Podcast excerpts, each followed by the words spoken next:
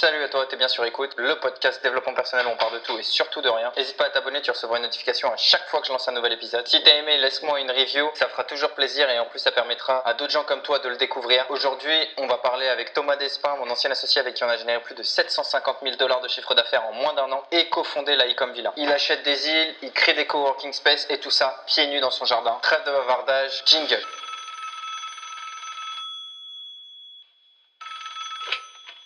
Allô, c'est toi? Quitte pas, t'es sur écoute. Maybe you should pull the fucking trigger. Pull the trigger. Ain't nobody gonna do for you. Pull the trigger. Mama not a pedal, boom.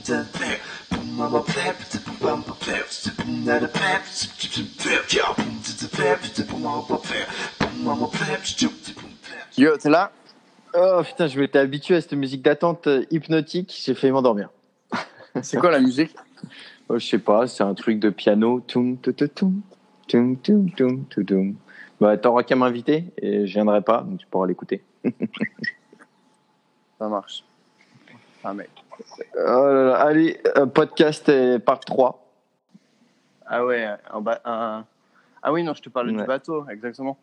Parce que tu me demandais en fait si ça allait pas endommager les coraux. Mm. Exactement, on en était là. Et euh, ouais, et je t'expliquais que. euh, c'est ça. Je t'expliquais que les coraux étaient déjà super endommagés et qu'en fait, nous en plus, on allait avoir un bateau qui avait pas d'émissions, euh, qui nous permettait de, de fonctionner que au solaire. Et du coup, ça, ça, ça fait qu'on va pas qu'on va pas endommager les coraux plus que ça, tu vois. On va pas balancer de- d'essence, on va pas avoir d'émissions ni sonores, Ouais. c'est un moteur électrique, donc Comme c'est silencieux, ni euh, ni des émissions euh, d'essence euh, euh. Ouais, parce que ça, je me souviens, au Cambodge, quand euh, moi j'étais allé sur l'île de Korong, il y a 4 ou 5 ans, Ouais. c'était une île paradisiaque. J'ai jamais vu, pourtant j'ai fait l'Australie, j'ai fait l'Indonésie, j'ai fait la Thaïlande évidemment, le Vietnam, les Philippines, la. Malaisie. J'ai jamais vu un, un sable Mhm. aussi blanc que ce sable de Korong. Et neuf mois plus tard, j'y Ouais. suis retourné avec mon meilleur ami. Le sable était devenu marron. Ouais. Euh, le corail était, Ah était mort parce qu'en fait, il y avait tellement de navettes, il y avait tellement de gens qui allaient sur place et eux, ils n'avaient pas prévu justement ce système de, de recycler des eaux. Donc, ils renvoyaient tout la merde, et à proprement parler, de la vraie merde, des toilettes dans l'eau. Et Donc, du coup, l'eau était devenue euh, dégueulasse, le sable était devenu mort et, et quand on allait sur les euh, sur l'île, le bateau, je me souviens qu'en sortant du bateau, parce qu'on était à la- j'étais à l'arrière, j'avais- j'étais euh, pi- pile ou face, tu vois. J'avais un côté qui était noir, noir des émissions de gaz et un côté qui était normal. Mais genre, j'étais noir, noir, noir. Ah, Mon t-shirt, j'ai jamais pu le récupérer. Il était noir de fou. ça Horrible. Ah ouais. Bah, là, là l'idée. Alors, un, déjà, on veut pas de tourisme de masse sur l'île. Euh, si tu veux, on fait, on fait 10 bungalows avec une capacité max de 20-30 personnes, tu vois. Enfin, 10 bungalows. On en aura des deux chambres, on aura des, une chambre. Et en nombre de. Si tu veux, si tous les lits euh, sont, sont occupés, ça fera euh, une 30 personnes euh, max, tu vois Ouais. donc sur l'île. Et L'idée, c'est c'est nous d'être les premiers et de montrer les, les best practices, si tu veux, et un, d'essayer de d'avoir le plus de terrain possible, si tu veux, pour contrôler euh, justement quel type de, de business va être fait. Parce que si tu veux, ça fait aucun sens que nous on fasse ça. Si l'an prochain, euh, tu as un énorme euh, euh, hôtel, un énorme hôtel qui vient se mettre dessus pour faire des, des, des, Ah, tu parce vois, que des toi, soirées, t'as t'as des une, soirées, tu parcelle du, de, de l'île, mais t'as pas toute l'île en fait. C'est ça. Tu peux pas tu peux pas posséder une île en fait en Indonésie. Tu peux contrôler une île si tu possèdes suffisamment de terrain Euh, en- par exemple si tu possèdes tous les terrains stratégiques tu, tu la Ouais. contrôles parce que t'as parce que les gens ils auront ils auraient aucun intérêt à venir faire quelque chose Euh, donc si tu as tous les si t'as tous les terrains stratégiques tu peux la contrôler mais par contre posséder l'île dans le sens où euh, l'ensemble de l'île est à toi ça c'est pas possible voilà. Donc là, nous, on a 1 hectare 5 de terrain, ça fait 200, 200 mètres de plage. Et, et là, je suis en train de. Euh, c'est une blague. Attends, bah, je vais te redire cette phrase. Je suis dans ma villa, il y a un chien qui vient de se ramener. La vie à Bali, mec. Le mec, là, attends, gros, juste pour l'anecdote, je vais reprendre ce qu'il disait. Le chien, il vient, il rentre dans ma villa et il m'aboie à la gueule, juste pendant que je te raconte mon histoire. Mais, mec, je te promets, on aurait dit un sketch. Il vient juste comme ça devant ma gueule et il aboie. Qu'est-ce Mais, dans ma villa. Mais qu'est-ce qu'il fait? Bon, je reprends. Donc, euh, je sais plus ce que c'était ma phrase. voilà. 100, 200 mètres de plage. Ouais, on a 200 mètres de plage, euh, 1 hectare 5 de terrain au total. Donc ça fait déjà pas mal de place, tu vois, on est bien. Euh, et là, je suis en train de négocier pour, euh, pour récupérer 3 hectares de terrain en plus. Bah, récu- Euh, récupère le terrain où il y a l'eau. Comme ça, plus personne peut s'installer puisque c'est toi qui l'eau. Bah, quoi qu'il arrive, l'eau, elle appartient à tout le monde. en fait. Ah, ok. Ah, je me suis dit, Cavalli, tu pouvais Ah. négocier des trucs. Enfin, en Indonésie, tu peux négocier des trucs comme ça. Non, après, tu peux tu peux t'arranger. Euh, après, de toute façon, il n'y a, personne pour l'instant, euh, des infos que j'ai, qui a prévu de s'installer. Et si tu veux, comme moi, je suis déjà là-bas et que j'ai déjà une boîte, j'ai déjà, un- déjà une boîte qui permet de posséder des terrains. Si tu veux, pour les locaux, de toute façon, si jamais ils prévoient de vendre, ça leur prendrait beaucoup moins de temps et serait beaucoup plus intelligent pour eux de, de vendre le terrain à moi qu'à à un autre mec. Ouais, mais je pense qu'il y a personne qui y va parce que les gens attendent de voir si tu réussis ou si tu te casses la gueule. Mais si tu réussis et qu'il commence à y avoir du trajet et tout, ça va faire jaser. Il y a beaucoup de gens qui vont arriver, je pense. Enfin, beaucoup. Autant qu'ils peuvent. tu Ouais. vois, Ouais, Au moins un, après, après euh, attends, ça va faire du bruit parce que je suis en train de me faire un café. Attends, bouge pas. Voilà. Donc, je te disais, en fait, euh, ouais, donc là, c'est que des locaux qui ont les terrains pour l'instant. Donc, si tu veux, euh, bah, une des raisons pour lesquelles ils font, euh, euh, ils font pas de, ils, font pas de business et qu'ils Ouais. font pas de thunes pour construire. Et, et déjà, le simple fait que, donc tu sais, nous, on a déjà eu les, on a déjà eu l'approval du gouvernement, on a déjà eu, on a déjà les licences, on a déjà la boîte, on peut déjà exploiter le terrain, etc. pour du tourisme. Enfin, on a déjà, on a déjà bien avancé. Et le simple fait qu'on ait fait ça, euh, les, les proprios, ils vendent leur terrain quatre fois plus cher, alors que ça fait Ouais. six mois que j'ai acheté le terrain. En fait, ils le vendent pas quatre fois plus cher, ils refusent des offres à quatre fois plus cher de l'hectare que ce que j'ai acheté. Donc en gros, pour te faire une idée, le terrain qui est juste à côté de- du mien, que c'est un terrain que je veux avoir, c'est comme ça nous on a, on a, on a le prolongement si tu veux, on a Ouais. toute la côte ouest en gros. Euh, ce terrain-là, le, le, le mec a refusé une offre, euh, c'était il, il y a un mois, euh, qui était à quatre fois le prix que j'ai acheté mon terrain à l'hectare. Donc techniquement, virtuellement, c'est comme si mon terrain avait quadruplé de valeur euh, en l'espace de six mois. Et même plus, puisqu'en fait, l'offre, il a même pas accepté, il a refusé. C'est-à-dire qu'il y a un mec qui arrivait avec une, avec une mallette de cash, il lui a dit Ton terrain, je te l'achète ça. Et le, mec, et le mec, il lui a dit il lui a dit Non, mon terrain, il est plus à Et donc, c'est quoi l'intérêt pour lui de plus le vendre, tu penses? Ah, ben, euh, parce que maintenant, parce que rien que le fait qu'on ait un projet, etc., ça prend de la Ouais. valeur. Le fait de. Tu sais, c'est de la. euh, c'est un peu de la, c'est de la spéculation. Le mec se dit bah, ok, il y, a y a un étranger qui vient avec un projet pour faire venir des touristes sur ce terrain qui nous sert à rien depuis, depuis des centaines d'années. Bah, du coup, si quelqu'un veut venir l'acheter, je vais pas le vendre parce que du coup, il prend de la valeur. Ouais, du coup, toi, tu auras Ouais. presque même fait de, mieux fait d'acheter plein de terrains, quoi, d'un coup. Parce que là, bah, Ouais. Après, ah, après c'est comme ça. Mais ouais, tu peux pas faire ça. Tu peux, enfin, techniquement, tu peux pas parce que euh, c'est pas comme à Bali. À Bali, tu vois le propriétaire du terrain ou si tu veux, tu as un office où les terrains ils sont enregistrés et puis tu vas et tu peux choper les numéros. Là-bas, tu peux pas. C'est à l'ancienne. Il faut que tu rencontres le proprio, que tu chez lui, que tu lui demandes la permission d'utiliser son terrain, de lui montrer ce que tu veux faire, de lui demander s'il veut le vendre. Tu vois, c'est à l'ancienne. mais du coup, il y a peut-être moins de corruption, donc c'est peut-être, ça marche peut-être plus dans ton avantage que, que ton désavantage. Euh, ouais, après, ce qui, joue dans- ce qui joue à mon avantage, en fait, c'est qu'on est déjà là-bas, qu'on est déjà légaux et qu'on a déjà euh, les permis d'exploitation. Parce qu'en fait, ça veut dire que si jamais le mec il dit Ah ouais, j'aimerais vendre, en gros, le, qui, s'il me le vend à moi, il aura l'argent beaucoup plus rapidement que s'il le vend à, à un- un autre mec euh, qui n'est pas implanté. Quoi. Nice. Voilà. Donc, c'est assez, c'est assez nouveau pour moi. Tu sais, c'est genre réfléchir, à- enfin réfléchir comme ça quoi. Quand tu, tu sors du dropshipping où, où les, tu dois juste dealer avec des Chinois qui doivent envoyer tes produits, toi-même tu sais, euh, à, euh, à des vieux propriétaires de terrain indonésiens euh, qu'il faut réussir à convaincre et leur montrer que tu vas pas détruire leur terrain, que tu vas en faire un truc cool. Euh, c'est différent. Et du coup, il, vraiment, il t'a demandé, euh, Ils avaient envie de faire un truc cool ou si tu avais dit euh, je vais faire un bar euh, full moon, je sais pas quoi, ils, auraient pu quand même te le vendre. Ils sont vraiment intéressés par le sustainable. euh. Non, en, en fait, en fait euh, alors, celui que j'ai eu, c'était celui que j'ai déjà, c'était différent parce que euh, c'était pas le mec qui avait le terrain euh, à l'origine. C'est un terrain qui avait déjà été vendu. Ouais. C'était aussi une Indonésienne qui l'avait, mais elle, elle avait déjà un projet d'Eco Resort dessus. Ok. Tu vois, donc euh, elle avait déjà ce projet-là, c'est juste qu'elle a, elle a cancel le projet. Euh, c'est c'est une, une longue histoire de, de pourquoi, et je te raconterai off podcast. Mais euh, elle a cancel le projet et elle avait besoin de- d'argent parce qu'elle a, a un homestay à Toraja, à Sulawesi aussi. Et du coup, elle, a- elle, voulait, elle voulait vendre le terrain et, et, et, euh, construire son. Enfin, pas construire, améliorer son, son homestay à Toraja. Voilà, donc du coup, elle a vendu. elle- mais euh, oui, elle m'a demandé ce qu'on voulait en faire, etc. Et elle aurait pu refuser parce qu'on était, on était plusieurs à vouloir acheter le terrain.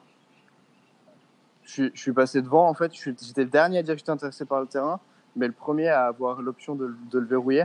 Euh, parce que la nana qui vendait, c'était justement c'était c'était la, euh, une amie de, de, de la personne qui m'a introduite. Ok. Donc du coup, euh, pistonner. j'ai dit, bon, bah, ok, c'est- toi. Ah, ouais, pistonner, exactement. J'avais oublié le mot. Ici, ils appellent ça des channels. ouais, ouais, bah, c'est pareil. Mais euh, des channels. voilà, euh, des connexions, le mec est connecté. Et, euh, et, et du coup, pour, pourquoi construire un Eco Resort Pourquoi pas utiliser les trucs qui sont populaires en ce moment, là, genre les dômes ou les trucs comme ça? J'en vois partout, là, des dômes. Je me fais Euh. target par eux euh, sur, euh, sur Insta. Alors, déjà, tu, tu peux faire un dôme qui soit un éco-resort. Bon, enfin, ce que je voulais dire, pourquoi tu as décidé de bâtir et de te casser la tête au lieu de prendre un, un dôme qui est déjà. euh, enfin, Parce que tu as dû réfléchir au plan, à l'architecture. euh, tu vois, alors Mhm. que le dôme, c'est déjà fait, tu sais euh, comment le faire et boum, c'est là, tu le poses. Quoi. Je suis pas sûr que je vois de quoi tu parles quand tu parles des dômes, en fait. J'ai plusieurs images en tête de, de, ce projet. Euh, bah, je sais je sais plus. euh, Attends, je vais regarder vite fait là. Je peux te dire, mais parce que je me fais target et j'ai une pote justement qui veut faire ça euh, en Thaïlande, une française. Ouais. Enfin, elle veut faire. Ça, c'est une idée parmi tant d'autres. Euh, je sais pas si elle a vraiment, si elle, elle a vraiment réfléchi au truc, mais c'est une, une société en fait. euh, je crois qu'il vient du Mexique ou de quelque part d'Amérique latine et euh, à la base ils ont trouvé deux moyens de le faire. Donc il y en avait un, c'était ils recyclaient à 100% de de plastique ou de trucs comme ça et, et, euh, donc ils créaient des dômes à base de plastique donc de bouteilles en plastique et de tout ça et, et Ouais. l'autre c'était en recyclant euh, pareil euh, du bois et tout euh, il me semble parce qu'il y a des dômes Mhm. euh, il me semble à hum, Padang Padang Padang non je sais plus trop quoi là au, au fond de fin fond de, de Bali là tout au sud Ouais. euh, sur Ouais. une des îles mais c'est des dômes tu sais en plastique ou enfin pas en plastique mais c'est à ciel ouvert là enfin où tu vois euh, Des tentes. Les bubble tentes. Ouais, voilà, ça c'était une. Bon, après, Mais, alors, parce qu'en fait, quand tu parles d'un dôme, c'est une, une forme, le dôme. tu vois. Donc, euh, tu peux faire des dômes avec euh, des briques, avec euh, du bambou, avec ce que tu veux. C'est pour ça que je suis pas trop sûr de quoi tu parles, mais, mais j'ai vu plein de projets avec des dômes et j'en ai vu effectivement qui sont, comme ce que tu as dit, avec des matériaux recyclés. Si tu veux, un des, un des, des concepts aussi quand tu t'intéresses à faire des trucs en mode sustainable, c'est de regarder les ressources qui sont dispo là où tu es. Tu vois? Ouais. Alors évidemment, il y a du plastique et des déchets de plastique partout. Et t'as un, ba- t'as- t'as un background sonore sympa aussi, toi. Je sais pas. Ce petit oiseau là. Ah ouais, j'entendais les tiens parce que du coup j'ai un casque et j'entendais pas les miens. Mais euh, ouais, nice. Euh, Ouais, c'est, ouais. la nature se réveille d'ici 7 heures. et, euh, et si tu veux, là-bas, à Sulawesi, un des matériaux euh, princi- principaux auxquels on a accès, c'est le bois et le bambou. Donc l'idée, c'était d'utiliser les matériaux qui sont déjà sur place Ouais. euh, et le savoir-faire qui était le savoir-faire des locaux euh, pour construire. Après, ça c'est une, un, un premier, euh, c'est une première version, c'est un premier resort si tu veux. Pour moi aussi, c'est l'idée, c'est d'apprendre et si ça, ça marche, l'idée c'est de le dupliquer. Ouais. Une fois que j'ai compris, parce que tu as énormément de choses à, à faire. Enfin, c'est, j'imagine que tu, enfin, t'imagines déjà que c'est compliqué, mais mais quand tu es dedans, c'est en- c'est encore pire, enfin ou mieux selon comment tu le vois, euh, parce que t'as tu dois penser vraiment à tout. Tu dois avoir, faire les plans des architectes, tu dois avoir l'aspect légal, tu dois avoir l'aspect euh, marketing, créer la brand et le concept. Euh, tu dois trouver du staff, tu dois trouver les mecs qui vont savoir construire exactement, exactement ce que tu veux, de la façon dont tu le veux. tu dois importer euh, le, la machine pour désaliniser l'eau. Tu vois, tu as, énormément de trucs à penser. Et du coup, je me suis dit, en fait, quand je l'ai réfléchi, je me suis dit, j'ai réfléchi au moyen le plus simple et direct euh, de, de, faire le projet avec le niveau de sustainability que j'avais en tête, tu vois. Donc, qui était au moins, au, moins pour l'énergie, l'eau et, euh, et, euh, et, une grosse partie des déchets. C'était ça l'idée. tu t'es fait un pote là-bas. Ah ouais, mais il m'aime bien. Donc, donc ça, c'est, ça, ça c'était l'idée. Après, si tu veux, il y a, y a plein d'options. Tu peux faire des dômes, tu peux faire, tu peux faire des, que du bambou, tu peux faire que du bois, tu peux faire un mix des deux, tu peux faire avec, euh, avec des pierres, tu peux aussi récupérer des pierres qu'il y a sur l'île, par exemple, euh, et les utiliser pour, euh, en tant que matériel de base. Ouais. idéalement, c'est vrai que c'est cool. J'aime bien l'idée de réutiliser le plastique parce que bah, le plastique, c'est un des plus gros fléaux au niveau pollution et que c'est gratuit. Enfin, l'accès au plastique est gratuit. Ouais, c'est partout. Tu vas en Inde et puis voilà, c'est bon. Ben, non, mais partout. L'Indonésie, c'est un des pays qui pollue le plus au niveau du plastique au monde. Ouais, la Thaïlande, ils sont pas mal aussi. hein. Ouais. Bah, si tu regardes, l'Indonésie doit être juste après la Chine. Enfin, c'est vrai, ils sont vraiment, vraiment hauts. C'est vraiment euh, le top 3, je crois. Donc, ils sont. Ouais, tu dois Chine, Inde, Indonésie. C'est vraiment, euh, vraiment haut. Et euh, au niveau de la pollution euh, du plastique. D'ailleurs, euh, à, à Bali, il y a une nouvelle euh, loi qui est passée où ils interdisent euh, l'usage des, des single-use plastiques euh, dans les centres commerciaux, etc. Ouais. C'est pas, ça, c'est une bonne première étape, quoi.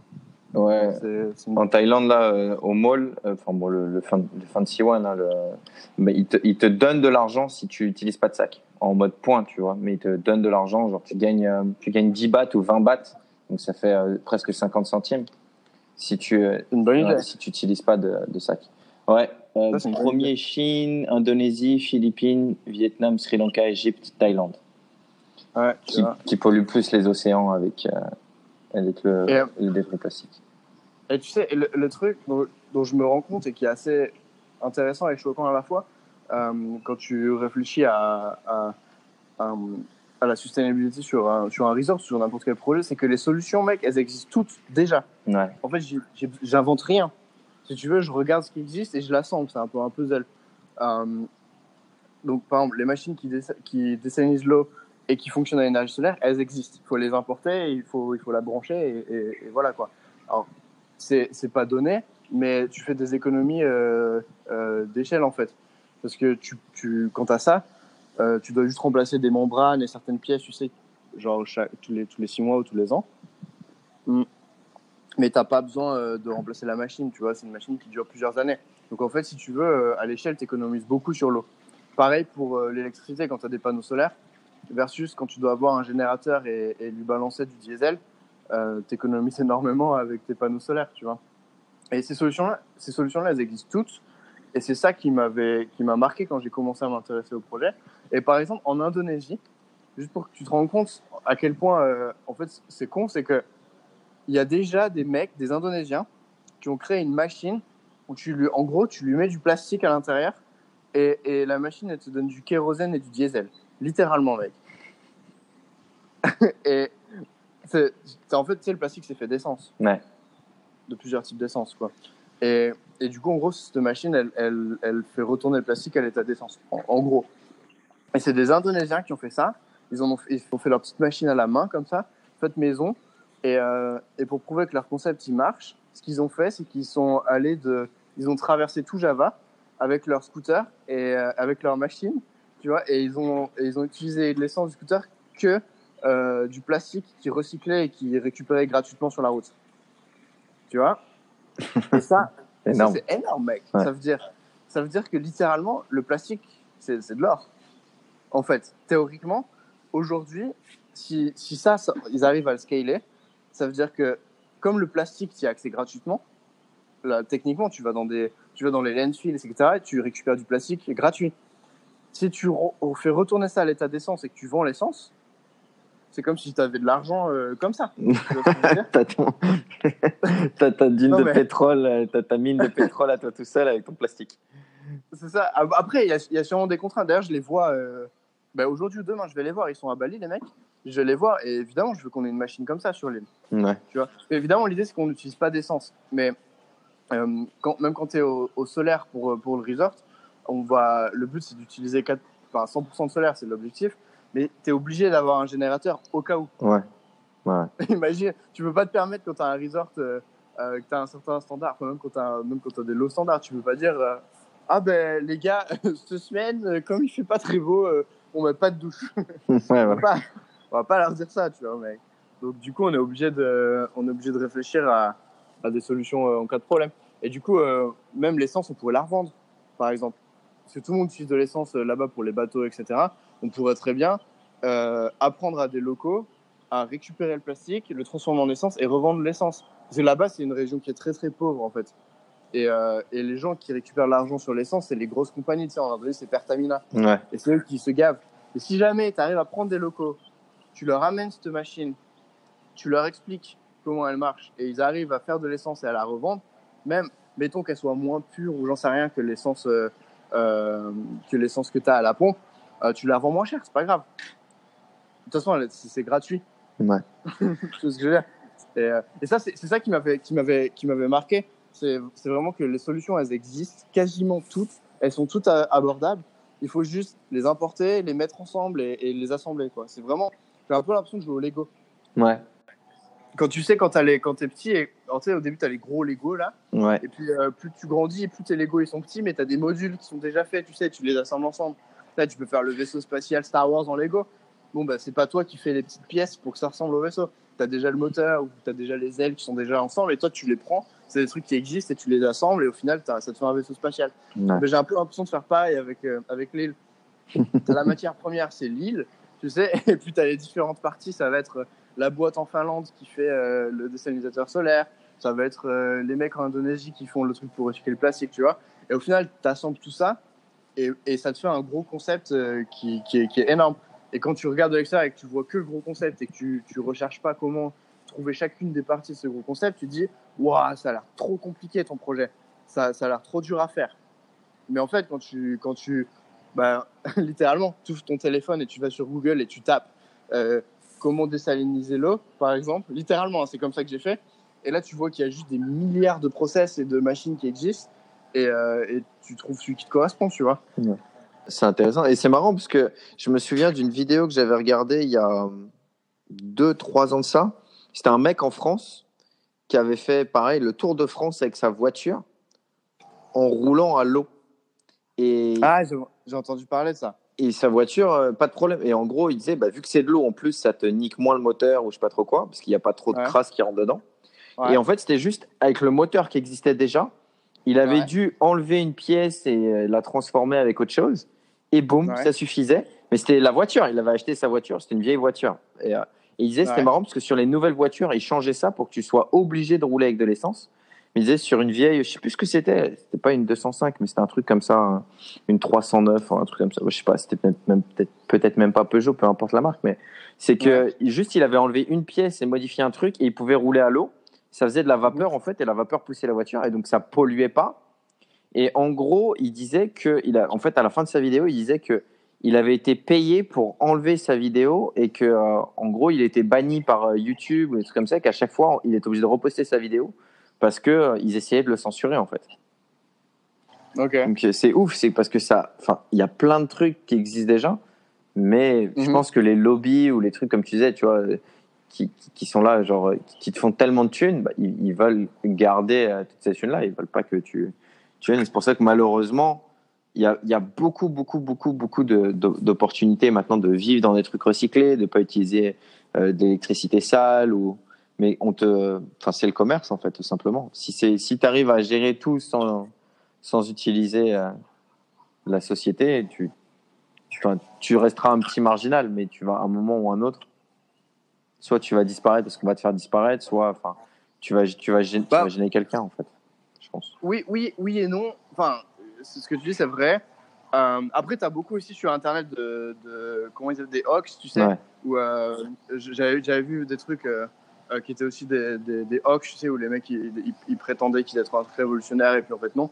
Mais euh, et euh, justement, et, et c'est ce qui utilisait l'excuse, l'argument de, qui est un vrai argument, hein, euh, mais c'est juste que parfois tu vois tout, qui utilise cet argument, tu sais, de ouais, les grosses compagnies essayent de me censurer, Ouais. nanana, parce que ça fait le buzz en Ouais. fait.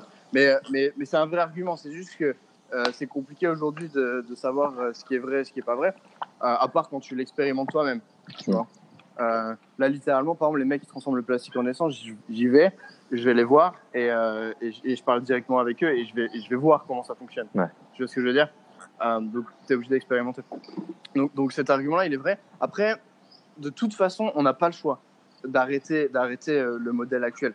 Parce que même les grosses corporations, de toute façon, elles sont obligées de se rendre compte que, que ce modèle-là, même elles, elles vont, elles vont tomber. Parce que c'est bien de garder un monopole et d'avoir euh, de dominer le marché, etc., et de contrôler toute la, la demande et l'offre, mais le, tu peux pas croître à l'infini. C'est le modèle du, du capitalisme. Alors, je dis pas le capitalisme, c'est le mal, c'est un moindre mal, enfin, c'est le, c'est le moins pire qui, qui peut-être qu'il y a, euh, qui existe comme système, mais, mais c'est un système qui de toute façon va pas durer. Parce que, parce que tu peux pas juste croître à l'infini et dominer un marché et ne pas avoir de, de, de compétition. Et, euh, et surtout dans les énergies fossiles, parce que le concept même des énergies fossiles, c'est qu'elles sont fossiles. Ouais. C'est qu'il y en a pas euh, ad vitam, tu vois. Donc de toute façon, elles vont être obligées de se transformer, ces industries-là. Donc euh, là, elles ont des politiques de, de, de censure, de lobbying, etc. Euh, mais elles, elles achètent du temps. Ouais. Parce que de toute façon, c'est soit la planète qui va, qui va péter, euh, soit c'est le modèle qui, qui va péter où il y aura plus d'essence. Donc c'est pas un truc qui est, c'est pas un truc qui est durable en fait. C'est ça que je veux dire. Leur façon de faire. Donc d'une manière ou d'une autre, dans leur propre intérêt, elles vont être obligées de s'adapter euh, comme toutes les industries. Du coup, Donc euh, du coup, toi, tu penses que ton projet il sera prêt en 2020, j'ai vu, c'est ça sur le site? Pour, pour Ouais, alors- les clients? Ouais, c'est c'est euh, une approximation. En fait, on pourrait être, on pourrait être prêt avant. Si demain j'avais tous les fonds, on serait prêt fin de l'année là. Ouais. Tu vois? Euh, c'est pas très long à, à ce qu'on a construit. On n'a pas des on fait pas des énormes fondations en béton. euh, tu vois, on n'a pas des on n'a pas de gros travaux entre guillemets. Euh, donc euh, c'est une question de, de main d'œuvre et une question de fonds en fait. Si demain on a les fonds, tous les fonds nécessaires pour construire, bah on, on commence à y aller et, et, euh, et ouais, dans euh, 8 mois, on pourrait ouvrir, tu vois. Ouais. Donc, euh, je prévois juste du temps pour, pour lever les fonds, parce que j'essaie de lever les fonds des bonnes personnes. Il se trouve que trouver de l'argent, c'est facile. En fait, enfin, avec un projet comme celui-là, il se trouve que les gens sont, sont vraiment facilement intéressés. Et aussi que on a vraiment eu le terrain pas cher et qu'on est sur un marché qui débute et que c'est un projet de développement, la rentabilité, elle est haute. C'est pas comme quand tu achètes un appart qui est déjà construit. Là, au moment où on n'a rien, ce qui veut dire que tout ce qu'on va construire, les gens ils vont avoir de l'upside dessus. Et du coup, c'est super intéressant et super rentable pour eux. Euh, et je parle de rentabilité annualisée. Non, je pense que d'après les, les calculs qu'on a fait, aujourd'hui, un mec qui a investi euh, 150K, il a 10% départ. Et, euh, et dans 5 ans, il, au minimum, il double son argent. Dans 5 ans, il récupère 300. Ouais. Euh, parce que, parce que tu as le terrain qui monte, parce qu'on fait du bâti, parce qu'on va avoir le business qui tourne, donc il y a aussi de la rentabilité. Et la totalité, si tu veux, euh, on prévoit un exit à 5 ans. Euh, ça veut dire que dans, dans 5 ans, soit on refinance avec une banque, soit le mec il, il- il vend ses parts, on lui rachète. Bah ça, en 5 ans, au, au minimum, il devrait doubler son argent. Donc si tu veux, c'est très rentable et, et c'est très intéressant. Euh, et euh, et c'est assez facile de trouver des gens intéressés. Par contre, ce qui est moins facile, c'est de trouver des gens qui en ont quelque chose à faire de ce qu'on fait. Parce que moi, l'intérêt de trouver des investisseurs, c'est pas que pour l'argent, c'est d'avoir des, des mecs qui sont avec nous dans le projet. Ouais, qui soutiennent aussi. Exactement. Et là, jusqu'à présent, je suis vraiment content parce que tous les, tous les mecs qui sont dans, dans, dans, dans le projet en tant, en tant qu'investisseurs, euh, ils sont tous aussi des mentors. Et ça, c'est génial. Ils ont tous quelque chose à apporter. T'en as un, c'est au niveau du digital marketing. T'en as un, c'est au niveau du, du, real estate development qui me, qui me, qui me coach en gros et qui m'explique tout, euh, tout ce qu'il sait par rapport à comment construire un deal, comment euh, parler à des investisseurs, etc. Et, euh, et si tu veux, c'est vraiment, vraiment ça que je veux. C'est pas juste des thunes. Je veux pas juste un mec qui me dise bah, je mets 100K et dans 5 ans je veux 200. C'est pas ça qui m'intéresse. Ce qui m'intéresse, c'est avoir des mecs qui me disent bah, le projet, le projet m'intéresse, ce que tu fais ça me plaît, j'ai envie, j'ai envie d'y participer.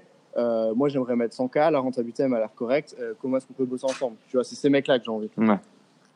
Tu vois, et euh, et c'est, c'est, c'est pas dur à trouver, c'est juste plus compliqué que des mecs qui veulent juste euh, de la rentabilité. Des mecs qui mettent 100K qui en récupèrent 200, t'en as plein. hein, Ouais. qui, veulent ça en 5 ans, c'est pas mal. Donc, c'est pas, c'est pas rare, hein, c'est pas une rentabilité exceptionnelle qu'on a. C'est courant euh, dans, dans, dans le real estate development d'avoir des rentabilités où tu doubles ton argent en 5 ans. Parce que quand tu investis à la source du projet, forcément, tu as plus de risques et le risque, euh, ça s'achète. Tu vois. Ouais. ça, ça a un prix. Donc, euh, Ça paye aussi. Ouais. Si, ça paye. ouais. Nice, nice. Et du coup, si le projet il termine en 2020, ce serait quand que tu ouvriras la seconde? La seconde, Ouais. euh, je sais pas encore, ça va dépendre. Bah, déjà, je vais devoir être focus la première année de l'ouverture. Ouais. Euh, évidemment, je vais avoir du, du staff et, une ma- et- et un manager, etc., sur place qui s'occupe des operations. mais euh, je, veux, ré- je veux bien réfléchir pour la seconde. Ça va être plus rapide dans le sens où euh, on aura déjà trouvé des solutions à des challenges auxquels on aura fait face. Donc, si tu veux, on aura de l'expérience. On aura un peu un genre un white paper de comment faire. Donc, ce sera plus facile. Après, c'est une question de location. Est-ce que je le fais Est-ce que j'agrandis celui-là d'abord? Ou est-ce que je fais une autre location d'abord? Ouais. C'est ce que je veux dire?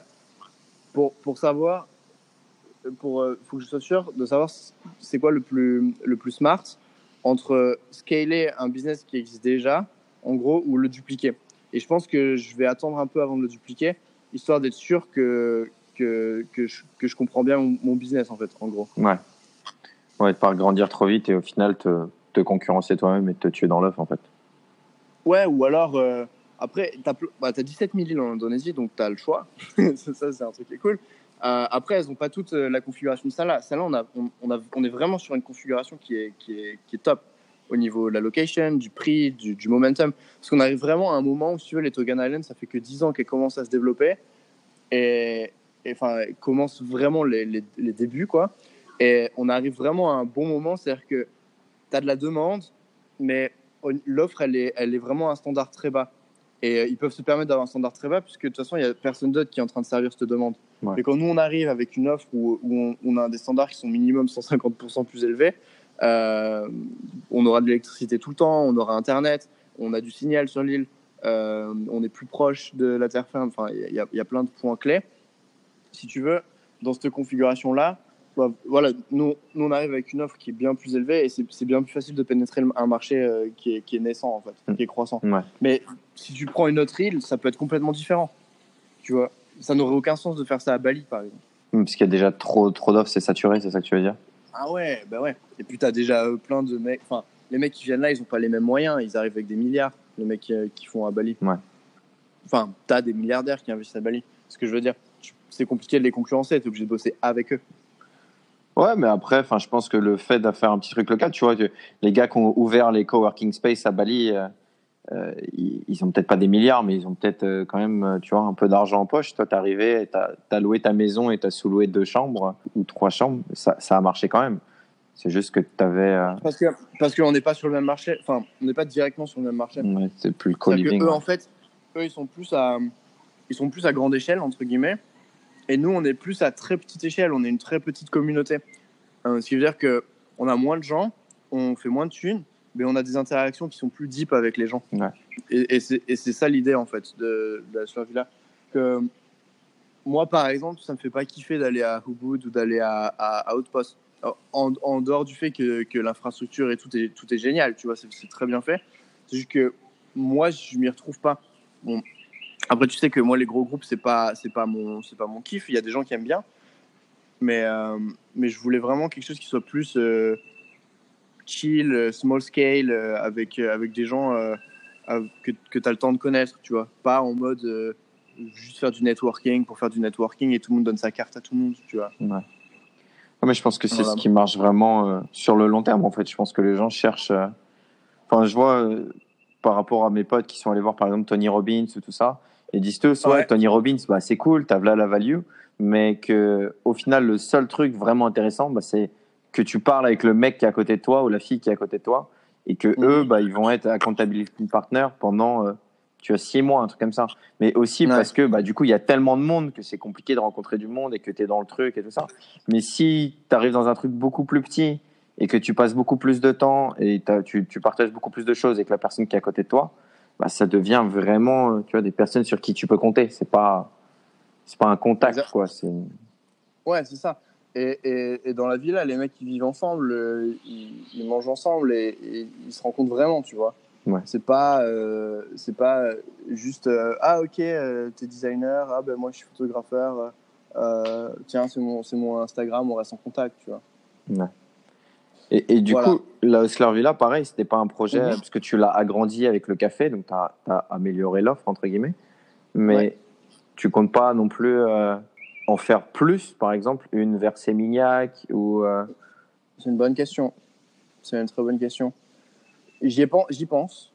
J'y pensais en faire une à Canggu, bah, Ouais, parce que tu sais que Canggu c'est super, euh, super à la mode et tu sais, tu sais que moi j'affectionne pas particulièrement Canggu, ouais. mais, mais je sais que les gens aiment. Les gens aiment Canggu, donc je me suis dit ça ferait du sens de d'ouvrir une villa, euh, d'ouvrir une autre villa là-bas. J'y ai pensé. Après, j'ai pas énormément de, de bandes passantes disponibles dans mon cerveau maintenant pour, pour, euh, pour me focus dessus. Et aussi, si je le faisais, il faudrait que ce soit à plus grande échelle si je voulais que ce soit profitable et que je mette un management full-time. ouais. C'est-à-dire que j'ai pas besoin d'y être du tout. Donc d'un point de vue business, je pense que ça marcherait. Après, d'un point de vue personnel, je sais pas si ça me fait kiffer. Je, je suis encore en train de me poser la question. C'est une bonne question. Ok. Ça pourrait, je pourrais étendre la brand et on pourrait en avoir dans dans dans d'autres pays, euh, euh, enfin dans d'autres endroits que Bali aussi. Tu vois, après il faudrait créer des standards et, et tu sais un, un genre de white paper et que les gens ils doivent euh, doivent quoi. Ouais, un peu comme ouais, comme un modèle ouais similaire à une franchise, plus en mode un partnership où nous on, on loue le branding. Si tu veux, on, on, on partage la brand et, et les assets euh, virtuels qu'on a, donc le site web, la communauté, etc Ouais, et créer un genre de, de standard de co-living small scale. ouais. Un, un- un des problèmes avec ce modèle, c'est que c'est pas très rentable si tu le fais à petite échelle.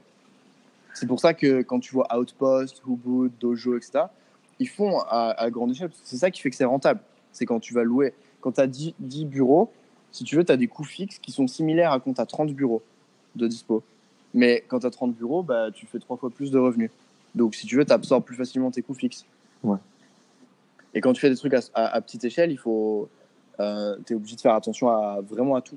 C'est vraiment euh, tout ce que tu dépenses, etc. Tu dois faire, tu dois faire attention et tu fais pas beaucoup, beaucoup de revenus. Parce que tu à petite échelle. À moins que tu fasses petite échelle et très, très, très forte valeur ajoutée et que tu tapes sur, euh, sur une clientèle complètement différente. Tu sais, bah, les mecs qui font des masterminds à, à, à, à plusieurs milliers d'euros par mois. Ouais. Là, là, dans ce cas-là, là, dans ce cas-là, t'es intéressant. Enfin, t'es, t'es rentable même à petite échelle parce que tu fais euh, de la très forte valeur ajoutée avec très, avec très peu de personnes et, euh, et du coup, tu fais de l'exclusivité. Et là, en fait, si tu veux, tes coûts fixes ils sont absorbés parce que peu importe tes coûts de structure, tu sais que tu vas que même une personne qui rejoint ton mastermind, ça va de toute façon euh, payer toute ta vie là. Tu vois ce que je veux dire? Ouais. Parce que du coup, ce que tu vends, c'est moins l'espace où la personne vit, mais plus la valeur, euh, le network, etc., que la personne va, va, va- au- auquel la personne va avoir accès. Ouais. Bah, bah là, tu fais déjà de la valeur avec. Il y a des workshops euh, hebdomadaires, il me Oui. semble. Euh, Oui, mais c'est assez classique. C'est pas comparé à, par exemple, quand tu vas voir Tony Robbins. En fait, si tu veux, tu payes pas du tout pour rester dans un Marriott, etc. C'est pas ça qui, que tu payes. Tu payes pour avoir accès à Tony Robbins. Ouais. Tu vois? Et du coup, dans la tête de- des gens qui connaissent Tony, Robbins, ça, ça a une valeur de plusieurs dizaines de milliers d'euros par jour, par exemple, si tu as accès à lui en one-to-one. C'est ça que je veux dire. Ouais. Après, oui, les, les workshops, etc., ça apporte de la valeur. C'est juste que c'est pas, euh, t'as pas des énormes barrières à l'entrée en fait. Ouais. Que quand c'est Tony Robbins, c'est unique. C'est Tony Robbins. T'as personne qui peut faire ça. T'as que lui en fait. C'est- ça que je veux dire. Ouais, c'est grâce au personal branding. Ouais, non, je pense que du coup, euh, ce projet, c'est plus viable en soi si c'est toi qui scale, parce que comme ça, t'es pas obligé de vendre beaucoup tes trucs, euh, donc tes, tes, tes places ou, euh, ou peu importe si tu fais euh, après bah, le café ou les trucs comme ça ou les cartes, je sais pas comment ça marche. Mais Mhm. c'est que après tu peux vendre donc les trucs de la communauté, donc les t-shirts, les mugs, les, tout ce qui est goodie en ligne en gros et, et, et en fait faire en sorte que cette communauté elle soit forte, donc faire peut-être un tu vois un abonnement euh, en ligne où ils reçoivent des workshops sur leur tu vois une, dans leur euh, mailbox euh, une fois par semaine ils reçoivent euh, l'interview d'un mec ou d'un truc et tu vois tout ce content là qui est en ligne qui est Mhm. digital qui Ouais. est réservé aux gens de la Hustler Villa donc il faut qu'ils soient venus par exemple ici et qu'ils aient acheté tu vois la, la Hustler Villa Bali la Hustler Villa enfin Ubud Canggu peu importe et que eux tu, Mhm. et eux en gros tu les tu les remarketes pour qu'ils ils continuent et donc après de leur proposer bah, un Canggu un truc ça fait sens parce que Mhm. bah, ils veulent continuer à tu vois, faire partie de cette communauté. Donc, ils veulent, si- s'il y a un Hustler Villa à Paris, bah, ils iront plus à la Hustler Villa parce qu'ils savent que même, si c'est bien deux, sûr. trois jours, et la valeur est, est peu chère parce qu'ils font partie de la communauté. Donc, ils ont, je sais pas, euh, 20% de réduction sur euh, partout dans le monde, mais qu'en plus, bah, vu qu'ils doivent le payer mensuellement ou annuellement pour continuer à garder euh, les contacts, les trucs et tout, tu vas faire partie d'un Facebook groupe privé. Tu sais, c'est un peu comme la, la value sur les, des, des, des bonnes idées, il y en a plein. Et, euh, et de la value online que tu peux trouver, il y en a plein. Tu sais, des podcasts, des vidéos, etc. Ouais. Et, en- et en fait, c'est un des problèmes qu'il y a aujourd'hui.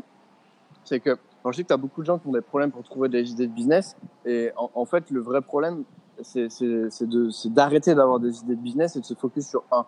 Ouais. Par exemple, euh, tout ça, c'est des idées qui sont excellentes. Le truc, c'est que tu peux pas, tu peux jamais tout exécuter. Ouais. C'est comme les, les podcasts. Euh, tu m'as parlé du podcast avec Ton Bilieu. Il y a il y a un autre pote qui me parlait d'un autre podcast l'autre jour. Tu as, juste tellement de choses que tu peux potentiellement faire ou potentiellement apprendre que c'est compliqué de choisir. Justement, j'en parlais l'autre jour. J'ai fait une vidéo courte sur, euh, euh, sur la, la, la liberté. Non pas au sens, euh, au sens constitutionnel du terme, mais, mais au sens plus philosophique.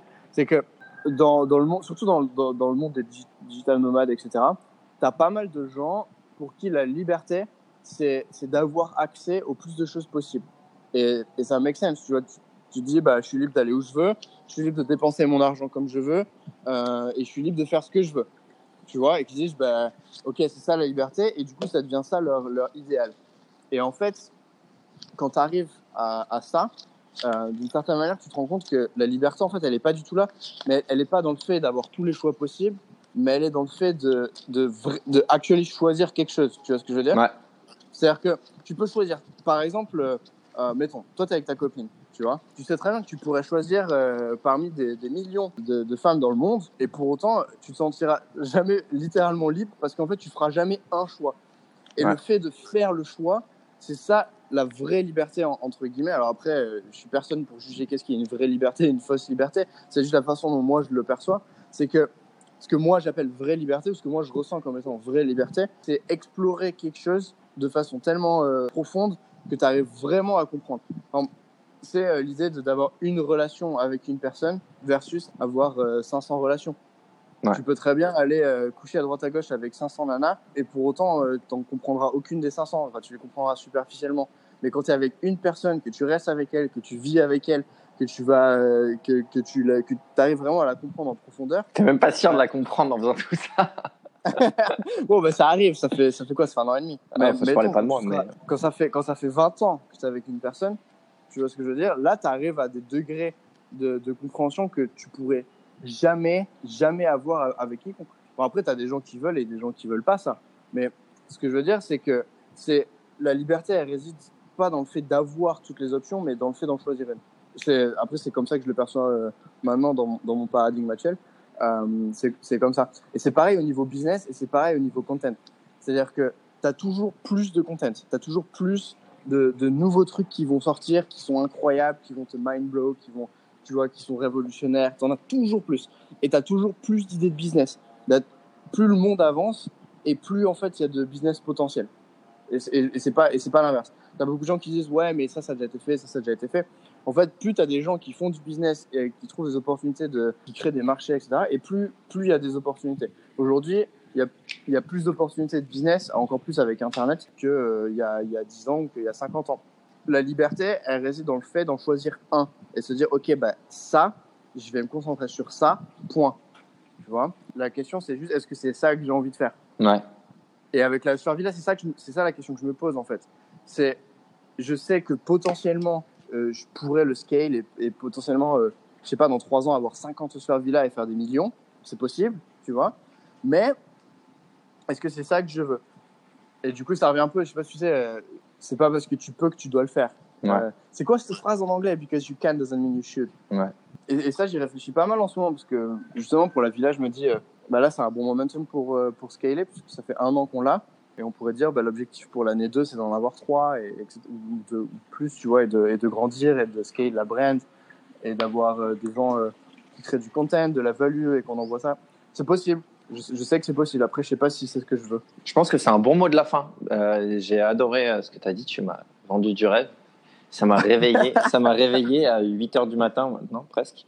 Mais ouais, non, je pense que c'est un bon mot de la fin. C'est pas parce que tu peux que tu dois. Parce qu'il y a beaucoup de gens qui viennent, enfin moi par rapport au coaching, je vois les gens sont perdus parce que ils ont trop d'opportunités et que justement ils sont pas mind focus, ils ont pas la vision euh, tunnel. Ou parce qu'au contraire des fois ils ont trop de vision tunnel et ils ont besoin d'un- d'une vision un peu plus périphérique. Mais je pense que Ouais. euh, je pense que ouais c'est un un beau monde de la fin. C'est Ouais. marrant ce que tu dis quand tu parles des gens que, que tu vois en, en coaching euh, et qui viennent avec ce genre de problème. Ça, ça me rappelle, euh, je, réfléchissais à ça l'autre jour, c'est aujourd'hui, on vit dans un monde où on a accès à tout. Ouais. je sais tr- on sait qu'il y a des pays dans le monde où euh, ils n'ont pas accès à Internet, etc. Mais, mais, mais globalement, nous, on, on va dire les Occidentaux, et de plus en plus partout dans le monde, on a accès au smartphone et à Internet. Et on, on, on oublie tellement on oublie tellement à quel point c'est juste le plus gros privilège du monde. C'est-à-dire que techniquement, aujourd'hui, tu accès à 100% de l'information qui existe dans, l'humanité, dans notre espèce, en 5 secondes. Et on, juste on oublie à quel point c'est le truc le plus beau du monde. Et ça, c'est aussi le plus gros problème qu'on a. C'est-à-dire que c'est aussi ça qui fait, qui crée notre plus gros ennemi. Et, le plus gros ennemi qu'on a aujourd'hui, c'est pas euh, les Russes ou, les Chinois ou la bombe atomique. Euh, c'est plus ça. On est, on est au-delà de ça. Le plus gros ennemi qu'on a aujourd'hui, c'est la distraction. Et on vit dans un monde où en mec, c'est en l'espace de, je sais pas si tu te rends compte, il y a 15 ans, on n'avait pas des smartphones, accès à Internet partout dans le monde, euh, toutes les infos, les vidéos et tout le knowledge qu'on on n'avait pas ça. Et ça, ça arrivait tellement vite qu'on s'est pas du tout adapté et qu'aujourd'hui, la plupart des gens que tu vois qui ont accès à un smartphone et Internet, ils l'utilisent pas pour se former et devenir euh, plus smart et créer un business, mais ils l'utilisent pour jouer à Candy Crush et à poster des selfies sur Instagram. Et c'est ça le plus gros ennemi aujourd'hui. Les, les gens, ils pensent, ils pensent qu'ils se battent euh, avec des compétiteurs, avec des machins. Pas du tout. Les gens, ils se battent avec eux-mêmes. Ils sont en mode, euh, c'est eux versus euh, Candy Crush et Facebook parce que ça les rend, parce que ça les rend accros. Ouais. Et si tu passes le temps, moi c'est le truc, ça m'a fait, ça m'a fait bader quand je m'en suis rendu compte. Le temps, si tu peux voir sur ton téléphone, le temps que tu passes euh, euh, chaque semaine, tu as des apps qui te font les calculs mensuels, savoir combien de temps tu passes sur chaque application. Et que je voyais il y a quelques mois le temps que je passais sur Facebook et Instagram. Et je me dis, si j'avais passé ne serait-ce que 20% de ce temps-là à, à juste euh, apprendre plus de trucs au niveau business, au niveau euh, euh, sur ce, par rapport à, ce sur quoi j'étais en train de bosser, je je serais, je serais juste tellement, tellement, tellement plus loin euh, d'un point de vue euh, business et personnel que là où j'en suis. Parce que j'ai été distrait et que à un moment, quand il était 8 heures du soir, plein de fois dans ma journée, je me suis dit, tiens, je vais m'allonger sur mon lit et je vais, et je vais, et je vais mater des vidéos sur YouTube ou je vais mater des trucs sur Instagram où je vais, où je vais, euh, je vais poster un selfie. Enfin, bon, je poste pas trop de selfies, mais c'est un exemple. Tu vois ce que je veux dire? Ouais. Et, et c'est, contre, c'est, ça en fait qu'on se bat. Alors tu sais quand tu lis des vieux textes chinois, ils te disent euh, des philosophies chinoises, ils disent que euh, l'ennemi c'est pas l'autre, c'est toi, etc. Bah aujourd'hui ça fait encore plus de sens parce que c'est, littéralement, euh, c'est concret d'un point de vue physique. C'est l'ennemi, c'est littéralement toi. C'est comment tu utilises ton temps. Et, et c'est marrant parce que plus on a accès rapidement à plus de choses et plus les gens ils te disent ah j'ai pas le temps. Ouais. Euh, Aujourd'hui si tu bosses, même un mec qui bosse un 9 to 5 ou un 8 to 6, tu vois, le mec qui bosse toute la journée, bon je sais pas le, le max que qu'un mec qui bosse en général, je sais pas un employé c'est quoi c'est 8 heures par jour, Ouais. tu vois, et puis, il dort- et puis il dort 8 heures. Bon ben voilà, il lui reste 8 heures. tu vois ce que je veux dire? Putain, en 8 heures, euh, en 8 heures tu crées un business en 8 heures par jour. Même t'as besoin de, de moins que ça. Mais c'est juste comment tu utilises les 8 heures de libre que tu as dans ta journée, même si c'est que 4, en fait, ça change rien. Euh, ces 4 heures-là, si soit tu les, tu, les, tu les passes à jouer à Candy Crush et, et, à, et, à, et à faire de la merde sur Facebook, soit tu les passes à apprendre des trucs. Et c'est vraiment le point, c'est la distraction. Aujourd'hui, les gens, ils se battent contre la distraction.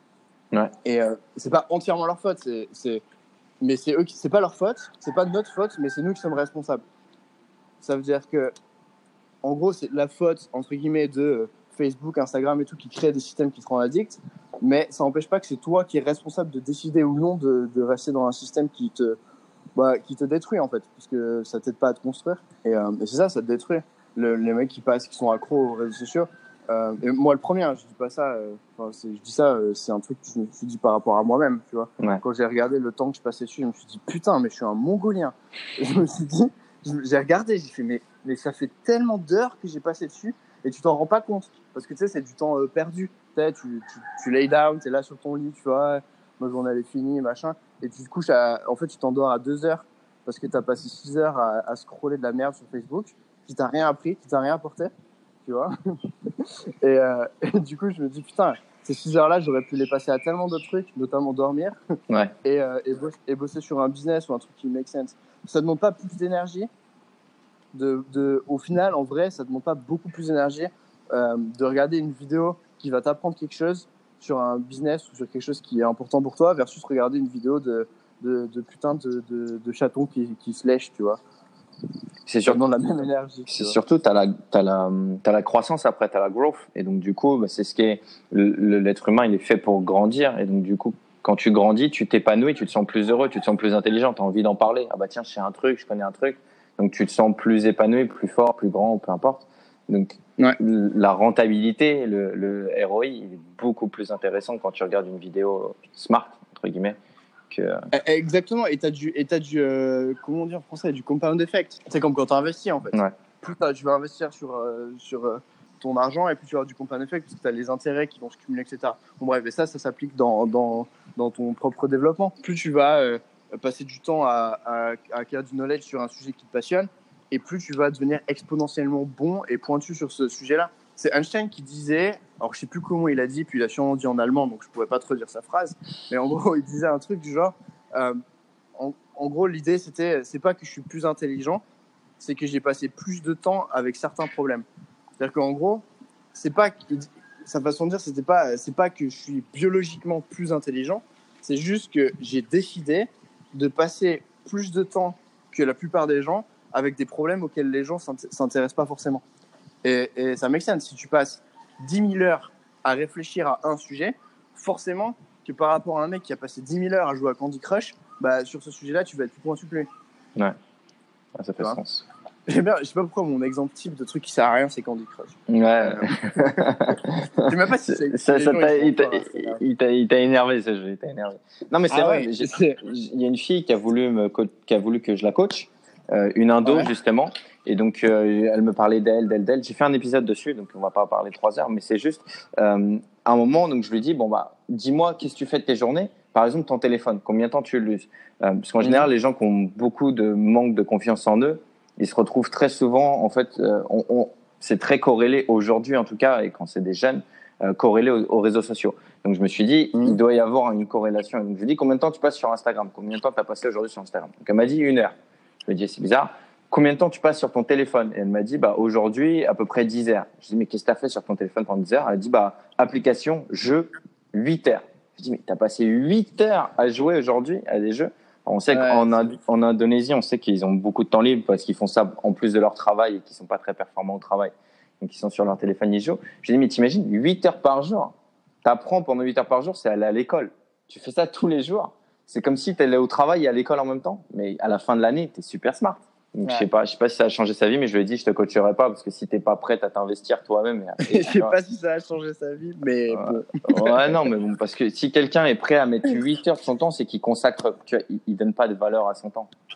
Tu passes 8 heures par Après, jour. ou- c'est- aussi des gens qui. Enfin, c'est compliqué d'en arriver au point où tu te rends compte. Moi, je, je peux pas, je peux pas te dire euh, de façon euh, sûre et certaine qu'est-ce qui, qu'est-ce qui m'a amené à me poser ces questions, tu vois. Ce qui est sûr, ce qui est sûr, c'est que plus tu passes du temps avec toi-même et plus tu te comprends et plus tu comprends tes comportements. Le problème, c'est que justement, passer du temps avec toi-même, ce que veut passer du temps avec toi-même, c'est du temps où tu n'es pas sur ton téléphone, pas sur ton laptop et pas en train de. Tu as zéro distraction. C'est juste toi et toi-même et tu es là dans le monde, tu sais. Euh, ce qui en fait est une situation tout à fait normale, mais où aujourd'hui tu n'en as plus. Genre, tu es dans un café, tu attends ton café, bah, tu es sur ton téléphone, tu Ouais. pas avec toi-même. Tu vois, ça, ça, ça compte pas comme étant avec toi-même. Et plus tu passes du temps avec toi-même, et plus vraiment tu vas, arrives à te comprendre, et ça, et ça arrive vite en fait.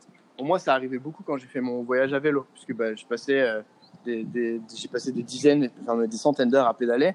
C'était juste euh, moi avec moi-même et sur le vélo. C'était un peu un état genre semi-méditatif. Et, et ça, ça m'a aidé. Après, je peux pas te dire exactement quel est le cheminement qui m'a euh, amené là avec, avec certitude. Euh, donc je peux pas, je peux pas en faire un template qui est applicable à tout le monde et te dire ah ben faut que c'est ça qu'il faut que tu fasses, tu vois. De toute façon, je que pense que chacun a c'est sa façon. mais- Ouais, et en fait, chacun a ses déclics, chacun a ses... Tu peux être inspiré par les gens, mais chacun a ses déclics et chacun a ses, ses, tu sais, ses haha moments, tu vois. Ouais. Ils sont là, ah putain, c'est ça qu'il faut que je fasse. Et ça, tu peux pas euh, le foutre dans la tête de quelqu'un. Tu peux partager et inspirer, mais tu peux pas le, foutre dans la tête de quelqu'un et, lui, envoyer son, son, euh, breakthrough, tu vois, genre euh, par SMS, ça marche pas, tu vois. C'est un cheminement. C'est un, cheminement et, par lui-même, à ce moment où, euh, de par son expérience et pa- par ce qu'il a vécu, etc., il en a un moment où il se dit Ah ouais, je suis en train de faire de la merde, il faut que j'arrête, tu vois. Ouais, ouais c'est vrai que bah, pour ça, la méditation, je pense que c'est quand même très important et que les gens passent plus de temps à, à se concentrer, comme tu dis, sur, sur eux-mêmes. Tu médites un petit peu, toi, non? Bah, c'est marrant que tu mentionnes, c'est pour ça que je rigole, c'est que je médite pas. Ouais. Euh, et, et je sais que c'est bénéficieux. Euh, alors, je passe pas mal de temps avec moi-même ou juste à, à écrire avec un carnet, etc. Ce qui, pour moi, a des, des bénéfices similaires à la méditation. Pas, pas aussi important que la méditation, mais similaires. Dans, dans le sens où, au final, la méditation, c'est. Alors, tu as différents types de méditation. Celle que je trouve intéressante, c'est euh, la méditation euh, la, plus- la plus, euh, dans la plus simple forme où, où, en fait, tu te concentres juste sur ta, ta respiration et tu visualises l'air qui rentre et qui sort. Ouais. Et, et au final, tu te concentres que sur ça. Et quand ton esprit divague, euh, tu, ce que tu fais, c'est juste que tu le ressens sur ça. Euh, bah, c'est un peu la façon, dont- c'est la, c'est c'est clairement la méditation vipassana. Euh, bon, il y a plein de formes et puis j'y connais rien. Et, et ça m'intéresse pas particulièrement de connaître d'autres formes de méditation. Mais donc ouais, je passe pas, j'ai pas du temps dans mes journées. Je me dis bon bah là, je vais m'asseoir et je vais méditer. Mais en fait, c'est marrant parce que les gens pensent que méditer, c'est ça, mais méditer, tu sais, juste peindre, c'est la méditation. En fait, méditer, c'est juste arriver à arrêter ton esprit et le focus sur une seule chose. Que ce soit euh, ta respiration, que ce soit nager, tu vois, comme tu disais, tu avais l'impression que c'était semi-méditatif de faire du vélo. Parce qu'en fait, c'était ça, c'était Ouais. juste, tu pédalais, pédalais, pédalais, et tout d'un coup, ton esprit, il était blank, tu vois. Soit tu avais plein d'idées, tu disais, mais attends, qu'est-ce que je fais? Et tu vois, tu pédalais moins fort, donc tu te reconcentrais, tu repédalais. Ou courir. Mais c'est pas, tu vois, c'est pas. Bah, C'est pour ça que si ça ouais. dépend, en fait, tu as, plusieurs euh, définitions, tu as plusieurs façons de le voir. Tu sais, la méditation, c'est un peu comme, euh, comme la, la religion. Tu as un mot et tu as plein de façons de l'interpréter. Euh, tu as plein de façons de, de, de, de pratiquer l'islam, euh, le, le christianisme ou, ou le judaïsme. Tu as plein de façons de le pratiquer, tu as plein de branches, etc. Mais c'est le même mot. Pour la méditation, c'est un peu pareil, à part que la méditation, c'est pas nécessairement religieux, mais tu as plein de façons euh, de la pratiquer et, et, et, et en- chacun, enfin, le but, c'est que chacun arrive à pratiquer d'une manière qui lui, lui convient et l'aide à atteindre euh, qui il est, quoi, ce qu'il veut atteindre. Donc, euh, après, euh, t'en as qui disent que la méditation, ça doit être absolument dans le silence. T'en as qui disent que, enfin, t'as plein de gens qui disent plein de trucs, tu vois. Ouais. Après, euh, je m'en fous un peu. Je me dis juste, je sais que si vraiment je suis pas bien, vraiment je suis stressé, je vais me dire, ok, stop, j'arrête tout. Je vais m'asseoir, mais pas nécessairement en tailleur, sous un, sous un putain de pommier en écoutant de la musique euh, euh, hindoue, tu vois ce que je veux dire? Ouais. Juste m'asseoir, je vais prendre une énorme respiration, tu vois, et je vais me dire, ok, qu'est-ce qui vraiment me pète les couilles, et je vais prendre les trucs un par un, tu vois. Ma façon de, de, de faire le vide, c'est c'est d'arrêter d'avoir euh, l'esprit qui fourmille, tu vois, et de me dire, ok, je me concentre sur un truc, je le résous, je me concentre sur celui d'après, je le résous, etc., tu vois. Voilà, de la méditation, quoi. Comme, comme je t'ai dit, ça, t'en as qui appellent ça méditation, et, on et, et en fait, on s'en bat un peu les couilles, pour être Ouais, c'est mettre un label sur un truc qui a pas besoin d'en avoir de toute façon. Ouais, voilà. Ce qui compte, c'est que euh, c'est d'avoir une pratique qui fait que quand t'es pas bien, tu fais ça, et ben tu te sens mieux, tu vois. Ou, euh, ou tu te sens un peu moins pas bien. Quoi. Ouais, mais plus, plus que ça, parce que ça, c'est c'est pas que ça, c'est que tu es aware aussi. Enfin, tu vois, c'est le truc de Jean-Claude Van Damme où tout le monde rigolait sur lui, mais l'awareness, c'est super important, ou le fait que tu t'es rendu Oui, compte que ça allait pas bien. pas bien, t'as raison. Ouais. Mais tu as réussi à te rendre compte qu'il y a des émotions, tu as réussi à te rendre compte qu'il y a des trucs. Beaucoup de gens qui se sentent pas bien et ils vont, tu vois, euh, prendre un bol de, euh, une tablette de chocolat, se mettre devant Netflix et ils vont mieux pendant 20 minutes, une heure, deux heures. Ils vont se coucher, ça va bien, ils se relèvent, ça va à peu près bien, puis dans l'après-midi, ça revient. Parce qu'en fait, ils sont pas vraiment concentrés ni sur le problème, ni sur ce qui allait, ni sur la sensation. Ils ont essayé d'endormir le truc. Et c'est pour ça que je pense Ouais, ils, ont que. un, ils ont mis un papier dessus, mais Ouais. c'est comme si. C'est comme si tu mets, euh, c'est comme si tu mets un, un mouchoir en papier sur du caca, quoi. Ouais. Il y a toujours du caca en dessous. Euh, C'était creux. Ah voilà, sur des bonnes discussions philosophiques. Allez, la schématisation, euh, bien. Bah, au moins, les gens Mais au moins, tu visualisé, le tu modèle vois. du Ouais, caca. les gens C'est-à-dire, tout le monde sait que ça pue. Ouais, Tu vois, et c'est pas parce que tu le caches que ça arrête de puer, c'est juste que tu le vois plus. Mais c'est pas parce que tu le vois plus que t'as pas les effets de l'odeur. Et en fait, en, en vrai, l'image, elle est- je, la trouve, je la trouve parfaite en vrai parce que euh, c'est littéralement ça. Quand tu, quand tu vas manger ton carré de chocolat ou que tu vas euh, te, te mettre une murge parce que ça va pas et que stressé, tu vois, ben, tu vas arrêter de voir ça, tu vas arrêter de voir le stress, etc. parce que ça va aller mieux. mais, mais ça sent quand même la merde. tu vois ce que je veux dire? Ouais. C'est juste que temporairement, c'est, c'est- tu vois, c'est plus dans ton champ de vision. Et du coup, tu vis comme si ça n'existait pas, comme s'il n'y avait plus la- le, le- le tas de merde. Euh, mais en fait, il est encore là. Juste que temporairement, tu le vois plus. Je pense que c'est ce que tu disais tout à l'heure, c'est parce que notre niveau d'attention, il a vachement baissé avec les réseaux sociaux, avec Internet et tout ça. De ouf. De ouf. Et, enfin des trucs tout ballots, comme tu disais, juste tu te concentres et tu prends une grande bouffée d'air. Mais tu vois, tu disais tout à l'heure, on se rend pas compte de la chance qu'on a d'avoir Internet, mais on se rend même pas compte de la chance qu'on a d'avoir de l'oxygène. On respire tous, on respire tous tous les jours, vite, pas vite ou peu importe. Mais combien de gens se rendent compte qu'ils respirent déjà, tu vois? Tellement. Je suis tellement d'accord avec ça. Je suis tellement content d'être ici parce que je vois que j'ai une grande baie vitrée et je regarde, j'ai la nature. En fait, le vert, comme le bleu et tout ça, donc c'est pour ça que c'est important de regarder les étoiles, de regarder le ciel, de regarder la mer. On rigole, mais c'est des trucs qui sont vraiment importants pour, euh, pour ton cerveau, en fait, et pour ton, pour ton subconscient, ton conscient et tout ça, ça l'alimente. Mais respirer, pour euh, avoir un modèle plus concret, bah, essayer de respirer, de pas respirer pendant 10 minutes et puis on en reparle.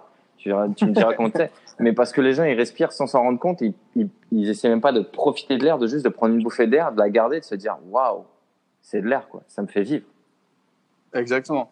Et, et, je, vais partager avec, euh, avec ton audience. Bon, je sais pas si tu mettras ça dans le, dans le podcast. Je vais conclure avec, avec euh, le, le conseil. Alors, s'ils sont en France, euh, du coup, ils pourront pas l'appliquer. Mais c'est la technique ultime pour, pour que je me rende compte de la chance que j'ai d'être où je suis au moment où je suis et, et avec la vie que j'ai. Un truc que je fais qui marche à chaque fois, et je suis sûr que tu vas, que tu vas, que tu vas relate, c'est euh, je rentre en France. Mec, Euh. c'est la technique ultime. Euh. Je rentre en France, j'arrive à Charles de Gaulle. là, oh merde, Euh, ouais. je te promets, c'est immédiat quoi. Quand je suis dans l'avion, je sens que ça vient. Tu sais, je sens, tu sais, ça sent le, la transformation de tête. Je me dis, ah, tu vois, je sens que j'arrive en France, tu vois. ouais. Et, et là, j'arrive à Charles de Gaulle et je suis accueilli à Charles de Gaulle comme tu es accueilli à Charles de Gaulle, tu vois. Et je me dis, oh merde, Ouais. ça me fait un énorme, un énorme mindfuck. Sauf quand je viens de Là, chercher avec mon scooter et qu'on fait le tour de Paris et que voilà. Et qui fait froid, sa mère. Non, mais je pense que ça peut marcher même si tu es en France ou tu vois, tu habites à Paris. Bah, va, euh, va en Seine-Saint-Denis, à Aulnay ou va à Clignancourt, tout ça. Tu habites à Clignancourt, bah, va à la campagne voir des vaches et tu te dis, waouh, tu vois, j'ai de la chance d'avoir peu importe ce que j'ai. Va, euh, prends, prends euh, six mois, va en On a Inde et va voir. euh, Je ne t'entends plus. Ah, bah, moi, je t'entends, c'est marrant. Ah, ça revient. C'est Poutine, je pense. Mais enfin, tu vois, peu importe où tu habites, en fait, je pense qu'il y a toujours pire que toi. Et, et c'est pour ça. Et, et, et le fait de te rendre compte qu'il y a autre chose. Et donc, le conseil, c'est peut-être même de voyager ou et pas forcément de voyager à l'étranger. Ou tu vois, on va dire, les gens vont dire, mais moi, je peux pas me le permettre. Alors que t'es le meilleur exemple. T'es parti avec 500 euros en poche avec ton vélo 400. et euh, 400 ouais, voilà. Euh, mais euh, et t'as voyagé pendant un an et demi mais euh, et enfin techniquement tu es encore à l'étranger donc voilà mais mais en soi c'est que il y a toujours une possibilité mais quand tu vois autre chose quand tu sors de ta zone de confort tu, tu sors et tu peux re-rentrer et te dire ah ouais il y a une différence donc peut-être même juste aller dans le sud de la France mais pas partir en vacances juste euh, tu ramènes tout tout avec toi euh, ta façon de vivre tu te lèves aux mêmes heures tu parles aux mêmes personnes, tu vas dans les mêmes bars. Non, va, tu vois, va euh, dans le Midi-Pyrénées, va à la montagne et regarde comment des montagnards, vraiment des gens qui habitent en montagne, vivent. Et pas en haute saison pour aller faire du ski. Ouais, Euh, va euh, va à la plage, va en Corse, mais pas au mois d'août quand ils sont euh, 400 000. Vas-y au mois de mars quand il y a euh, 20 000 habitants et regarde comment les Corses y vivent vraiment. Va et on a, on a tellement de chance de pouvoir le faire en France et tu peux euh, euh, habiter maintenant avec, avec Internet, tu peux vivre gratuitement avec euh, coach surfing, avec euh, euh, t'as, t'as des trucs genre Blablacar pour bouger à 15 balles euh, dans le bout de la Ouais. France. Enfin, on a tellement d'opportunités et de, de- enfin, je pense que tu as tout à fait raison de, de dire quand tu reviens chez toi, tu peux dire waouh j'ai de la chance. Et si tu reviens chez toi et que tu te dis waouh j'ai pas de chance, bah bouge de là. Ouais, bouge de chez toi. bouge de là, voilà, bouge de Ouais, là, change. c'est que, c'est que, oui, parce que les, les, les gens se disent encore, euh, pensent encore que chez moi c'est en France et que du coup Bali, je suis encore, euh, tu sais, genre, ouais, t'es à Bali, mais ça te fait quoi quand tu rentres à la maison en France? Ouais. Mais je rentre pas à la maison en France. je vais en vacances en France. Ouais. je me sens pas, je me sens pas spécialement chez moi en France. C'est ça le truc. C'est que je me sens chez moi à Bali. Alors, d'autant plus que maintenant je suis légalement résident. euh, ce, qui, ce qui était un- une énorme étape et un gros soulagement. Mais ça fait, euh, ça fait quoi, entre le voyage à vélo et Bali, ça fait peut-être 4 ans et demi que j'ai pas vécu en France. Ouais. Et ça, et ça, euh, t'as pas mal de gens qui se rendent pas compte. Ils se disent, ouais, mais du coup, quand tu rentres chez toi, ça fait quoi? Mais quand je rentre chez moi, c'est quand je suis, c'est quand je suis à Bali. Et c'est parce que c'est, c'est le chez moi que j'ai choisi. Tu vois. Et, et euh, un autre truc, le, le, ne- le next step, c'est, euh, bah, il faudra un autre podcast, un autre podcast sur ça, mais je suis en train de, de regarder pour avoir le, la nationalité indonésienne. Et, euh, et ça a l'air débile comme décision parce que le passeport français, il est vraiment fort. C'est ce que j'allais demander, en plus, c'est marrant. tiens. Mais euh, en fait, le fait d'avoir la nationalité indonésienne, en, en fait, c'est plus le fait qu'elle soit indonésienne ou pas, c'est le fait de choisir sa nationalité. Euh, je trouve que ça, c'est une forme de liberté. Par exemple, Ouais. de me dire, euh, je choisis le pays dans lequel je vis, je choisis de vivre à Bali et je peux choisir de devenir citoyen. Ça, pour moi, c'est une des formes ultimes de liberté, choisir de quel pays tu es citoyen. C'est sy- c'est symbolique et à la fois, c'est pratique aussi. euh, pour la, ra- la raison pratique, c'est- pour le business. C'est que d'avoir la nationalité indonésienne pour faire du business ici, c'est juste, juste beaucoup plus simple et tu as juste beaucoup moins de barrières en fait. Ouais. Mais en gardant la- le passeport français ou juste 100% indonésien? Non, tu, alors, c'est ça, le, ça c'est le, le, le point négatif, c'est que je dois renoncer à mon passeport français. Ils font pas de double nationalité. Ouais, parce que du coup, c'est pratique quand tu fais du business en Indonésie, mais si ça s'expande et que tu dois aller faire du business aux États-Unis ou je sais pas trop où, du coup, ça va jouer en ta défaveur. Ouais, mais il y a des solutions. Ouais. En fait, et, et du coup, euh, il y a des solutions dans les deux sens. C'est après euh, l'idée, c'est de dire c'est quoi la solution qui me convient le mieux euh, dans, dans 90% du cas, des cas, tu vois. Non, mais ce qui est ouf, c'est que tu arrives à y penser et que tu es déjà là à te dire que c'est faisable et que c'est imaginable, alors qu'il y a plein de gens qui se disent non, mais c'est beau pour Thomas, mais lui, il peut et pas moi, tu vois. Et alors que, tu vois, comme on disait, si tu te sens pas bien chez toi, les gens se disent non, mais toi, tu peux le faire, mais moi, je suis au taf, j'aime pas spécialement mon taf, mais je peux pas le quitter parce que, il y a toujours un parce que. Mais c'est que, tu vois, tu disais, si tu quittes ta nationalité française, il y a plein d'avantages pour toi, mais il y a aussi énormément d'inconvénients. C'est juste un moment ou un autre. Tu fais un Clairement. choix parce que c'est bon, le bon choix pour toi. Exactement. Et, et euh, après, c'est aussi, il y a, c'est Tim Ferriss qui parle du scénario du pire, et j'adore cette stratégie. C'est quand tu regardes, en fait, dans le pire des cas, c'est super simple euh, pour quelqu'un qui est né en France de retrouver son passeport français, même après y avoir renoncé. Il suffit de retourner en France et de dire, euh, bon, ben voilà, je suis né ici, c'est mon certificat de naissance et j'aimerais avoir un passeport. C'est aussi simple que ça. Et, et ça, bon, mais ça, ça prend du temps de s'y intéresser et de regarder, etc. Euh, c'est euh, après, c'est une question de peser les, les, les pour et les contre. Tu as plein de mecs, après, euh, la, la raison pour laquelle, la plupart des temps, les gens ils, vont trouver des, ce qu'on appelle des excuses, c'est, c'est en fait, c'est pas littéralement des excuses, c'est qu'ils rationalisent. Ouais. Ils rationalisent un choix parce que c'est, c'est impossible pour quelqu'un de se dire, enfin, c'est compliqué pour quelqu'un de se dire, je suis un gros con, je me suis planté, maintenant je vais faire différemment. C'est super dur de se dire ça. C'est vraiment dur. Et comme c'est dur, du coup, ce qu'on fait, c'est qu'on rationalise. C'est-à-dire qu'en fait, en vrai, quoi que tu fasses dans ta vie, tu vas y trouver une raison. C'est ça le concept de rationalisation. C'est que tu, vas, tu restes à Phuket, tu y trouves une raison. Tu déménages à Bali demain, tu trouves une raison. Tu, tu, tu romps avec ta meuf, tu vas trouver une raison. Tout le temps. Tout le temps, tu vas trouver une raison. À aucun moment, un être humain euh, en- en- est capable de se dire j'ai fait ça euh, sans aucune raison. Ça n'existe pas, il y a toujours une raison.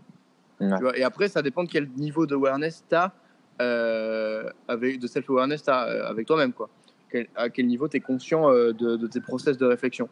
Et ça, tu passes du temps tout seul et, plus tu arrives à être conscient de, de qu'est-ce qui littéralement t'a amené à euh, faire cette décision. Et, et plus, plus tu arrives à être self-aware et plus tu arrives, et, et moins, si tu veux, tu te racontes de la merde à toi-même. Tu vois. Et, moins, et moins tu te mens à toi-même. Tu es en mode Ouais, mais là, je suis allé à Bali parce qu'en fait, la raison, c'est que j'avais toujours envie d'aller à Bali, tu vois, et puis tu te racontes une histoire, et puis tu crois à cette histoire, et ça devient, euh, ça devient la vérité. Ouais. Et peut-être qu'en fait, euh, euh, t'es allé à Bali euh, juste parce qu'il y avait un billet pas cher, et qu'en fait, tu tu t'en sais rien. Tu vois ce que je veux dire? T'as as plein de raisons pour lesquelles tu fais des trucs, et c'est compliqué de trouver la vraie, la, la véritable raison. Donc, du coup, on se raconte des histoires et on rationalise. Surtout quand c'est des, des, des- des décisions douloureuses, en fait. Genre rompre avec quelqu'un quand tu romps avec quelqu'un, là, tu trouves plein de raisons. Ouais, mais elle était comme ça, et puis elle était comme ci, et puis euh, euh, j'ai toujours dit que je pourrais jamais vivre avec quelqu'un qui faisait ça, et on trouve plein de raisons. Ouais, et souvent, la raison, c'est l'autre, en fait. Hein. C'est rarement soi. Ouais, en, en général, on trouve des raisons externes, parce que ça, ça déculpabilise. Ouais. Enfin, ça, c'est le pire, quand tu trouves des, des, des raisons externes et juste pour déculpabiliser. Parce que Que- c'est souvent ça, je suis pas heureux à mon taf parce que mon boss est comme ça, je suis pas heureux ici parce que les gens font ça. Euh, Ouais. J'aurais réussi, mais il s'est passé ça, il a pas fait beau, j'aurais pu faire ça, mais c'est toujours quelqu'un d'autre, tu vois, c'est jamais nous. Ouais, alors ça, alors ça c'est le, c'est le, c'est le- la pire version de la rationalisation. C'est quand tu, en plus de rationaliser des choses, euh, qui, enfin, de trouver des raisons à des choses alors que qui, qui, en ont, qui en ont pas nécessairement ou qui sont pas nécessairement ces raisons-là. euh, en plus de ça, tu te déresponsabilises et tu dis que la responsabilité elle vient pas toi, elle vient de quelqu'un d'autre. Et ça c'est le pire. C'est que littéralement aujourd'hui, et je, je rejette toutes les personnes qui, qui fonctionnent sur un mode comme ça. Qui un rationalise et deux et deux euh, rationalise euh, en se déresponsabilisant. Parce que tu peux rien créer avec des avec euh, avec des personnes qui sont dans, dans, dans ce mindset.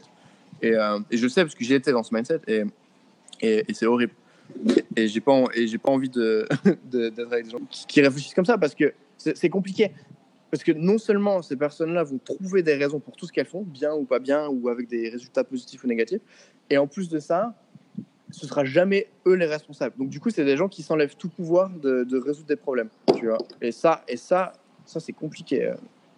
je pense qu'on l'est tous un jour ou l'autre, et c'est juste, Ah oui, oui, tous, c'est- ouais. il faut, il faut s'en apercevoir et se dire, mais en fait, bah, j'ai quand même le pouvoir de décision au final. C'est moi qui ai décidé de faire ces études.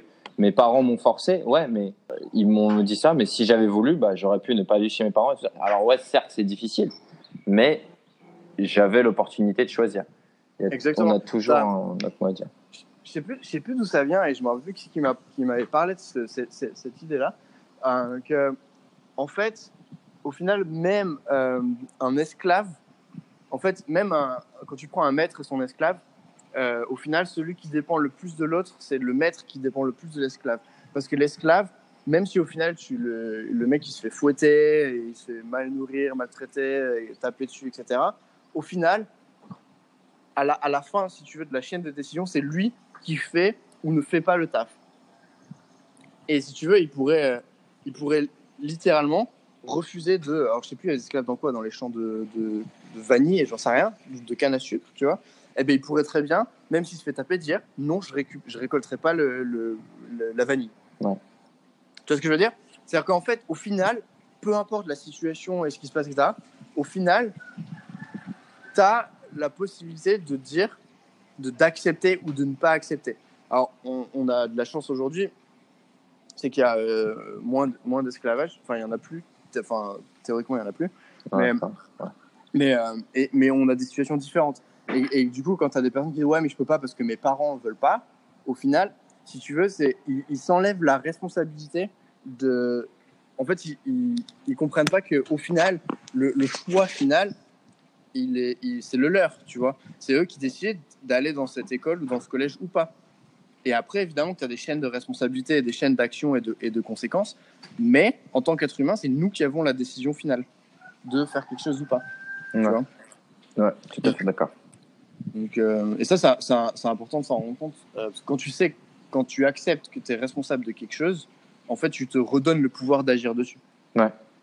Ouais, et puis c'est là que tout commence parce que à partir du moment déjà il faut t'apercevoir que tu fais une erreur donc c'est compliqué mais qu'à partir du moment où tu te rends compte que bah, qu'il se passe plein de choses dans ta vie et, et que t'es pas t'es acteur et que t'es pas juste juste euh, un spectateur déjà tu, Ouais. tu, tu peux juste en t'apercevant de ça bah, changer les choses ou profiter des choses euh, pleinement tu vois. et, euh, et c'est vrai que juste ça je vois qu'en en ayant coaché des gens et juste en leur disant euh, bah, soit au contraire des fois quand ils sont trop dans le moment bah, sors un petit peu et, et regarde ce qui se passe soit Mhm. retourne dans le moment mais mais mais enfin voilà la self awareness c'est super important du coup toi la self awareness j'aimerais bien qu'on finisse là-dessus parce que là sinon on va faire quatre podcasts mais Allez. toi co- comment tu euh, com- parce qu'il y a quand même pas mal de trucs qu'on a dit dans dans ces alors je sais pas combien de numéros de podcast on a fait mais euh, enfin voilà il y a deux euh, sur les derniers, euh, voyager, euh, on a dit quoi? On a dit qu'il y a beaucoup de trucs qui existent déjà, mais il suffit juste de les chercher. Que c'est, Mhm. ça sert à rien de se concentrer sur nécessairement plein de choses. C'est pas parce qu'il y a plein de choses que tu peux faire que tu dois toutes les faire. Ouais. L'awareness, il y avait quoi d'autre? Euh, Tu peux faire du beatbox avec ton chien. Euh, Ouais. Enfin voilà, on, on a dit pas mal de trucs. Qu'est-ce que pour toi, si quelqu'un a écouté un ou deux ou je sais pas combien de- d'épisodes podcast on a fait, tu t'aimerais qu'ils retiennent quoi de ça, hormis que euh, il faut qu'ils passent à la Hustler Villa, hormis qu'il faudrait qu'ils Euh, qu'ils s'intéressent à Reconnect? Non, en fait, euh, ah, rien de tout ça euh, spécifiquement. Ça, ça, ça dépend juste des gens et, et à quelle étape et à quelle page du livre ils en sont. Euh, on, a, on a cette expression avec, euh, avec un pote à moi qu'on aime bien se rappeler c'est on n'est pas tous à la même page. Ouais. Bah, euh, ok, les gens, que les gens retiennent, retiennent ça, c'est qu'on n'est pas tous à la même page et que qui que ce soit qu'on rencontre à n'importe quel moment euh, dans notre journée ou dans notre vie en général, chaque personne est en train de faire son mieux, euh, quoi qu'il arrive. Chaque personne est en train de faire son mieux avec les éléments d'information, le passé qu'ils ont et leurs expectations et leurs attentes. Et au final, c'est un truc à, à retenir, c'est ça, c'est qu'on n'est pas tous à la même page et que chaque personne a des trucs à, va comprendre et va apprendre des choses qui vont euh, qui vont euh, transformer euh, leur vie, leur façon de penser ou leurs habitudes, etc. Selon là où elles en sont. Donc, à certaines personnes, ça va être par rapport à ce qu'on a dit, par rapport à Bali ou au voyage. Si on a d'autres, ça va être par rapport au, ce qu'on a dit par rapport au business et au fait que c'est plus important de se concentrer sur une chose et, de vraiment la faire que de faire tout ce qu'on peut potentiellement faire. Ça dépend vraiment des gens. Mais l'idée, c'est que peu importe qui est en train d'écouter et, à- et à quel stage ils en sont, c'est euh, ouais, c'est de se focus sur ça. C'est qu'on n'en est pas tous à la même page et que chaque personne a des choses à, à apprendre et, et- et à comprendre qui sont différentes selon là où elles en sont. Et c'est personnel. T'as pas des pages qui sont meilleures que d'autres. Par exemple, toi, t'en es pas à la même page que moi sur certains sujets et moi, j'en suis pas à la même page que toi sur, euh, sur plein d'autres sujets. T'as Ouais. pas une page qui, qui est, qui est mieux. En fait, c'est pas plus avancé ou moins avancé. C'est juste des chapitres différents. Ouais, voilà. Puis de toute façon, on on n'aspire pas, on n'a pas la, on n'a pas la même vision des choses parce qu'on a déjà tout simplement même pas le, le même objectif. Et même si on avait le même objectif, ce serait pas le même objectif parce que ce serait pas la, même euh, manière d'être. Même si on voulait faire deux marathons, peut-être que toi tu voudrais en faire un à vélo et moi en moto, tu vois. Euh, ou Ouais. peut-être qu'on voudrait courir, mais toi tu préférerais courir avec telle chaussure, ou tu respirais de telle manière, et moi je penserais à tel truc, ou j'écouterais telle musique. Donc, ce serait de toute façon pas le même scénario. Ça serait pas le même scénario. Et, pour conclure ce podcast avec euh, une, une réflexion très très deep, j'ai envie de te dire que si on faisait tous les deux le même marathon et que toi tu le faisais à moto et moi à pied, euh, t'irais beaucoup plus vite, mais on vivrait pas les mêmes choses en parcourant la même route. Ouais, ouais c'est vrai. Boom. Allez. Voilà. Bah, tu peux raccrocher du coup. Ou tu peux dire je raccroche comme tu veux. C'est fini. Allez, vas-y mec. Ciao. Mm. Bisous. Bisous. Pédalez vélo, pédalez vélo, girl pédalez vélo,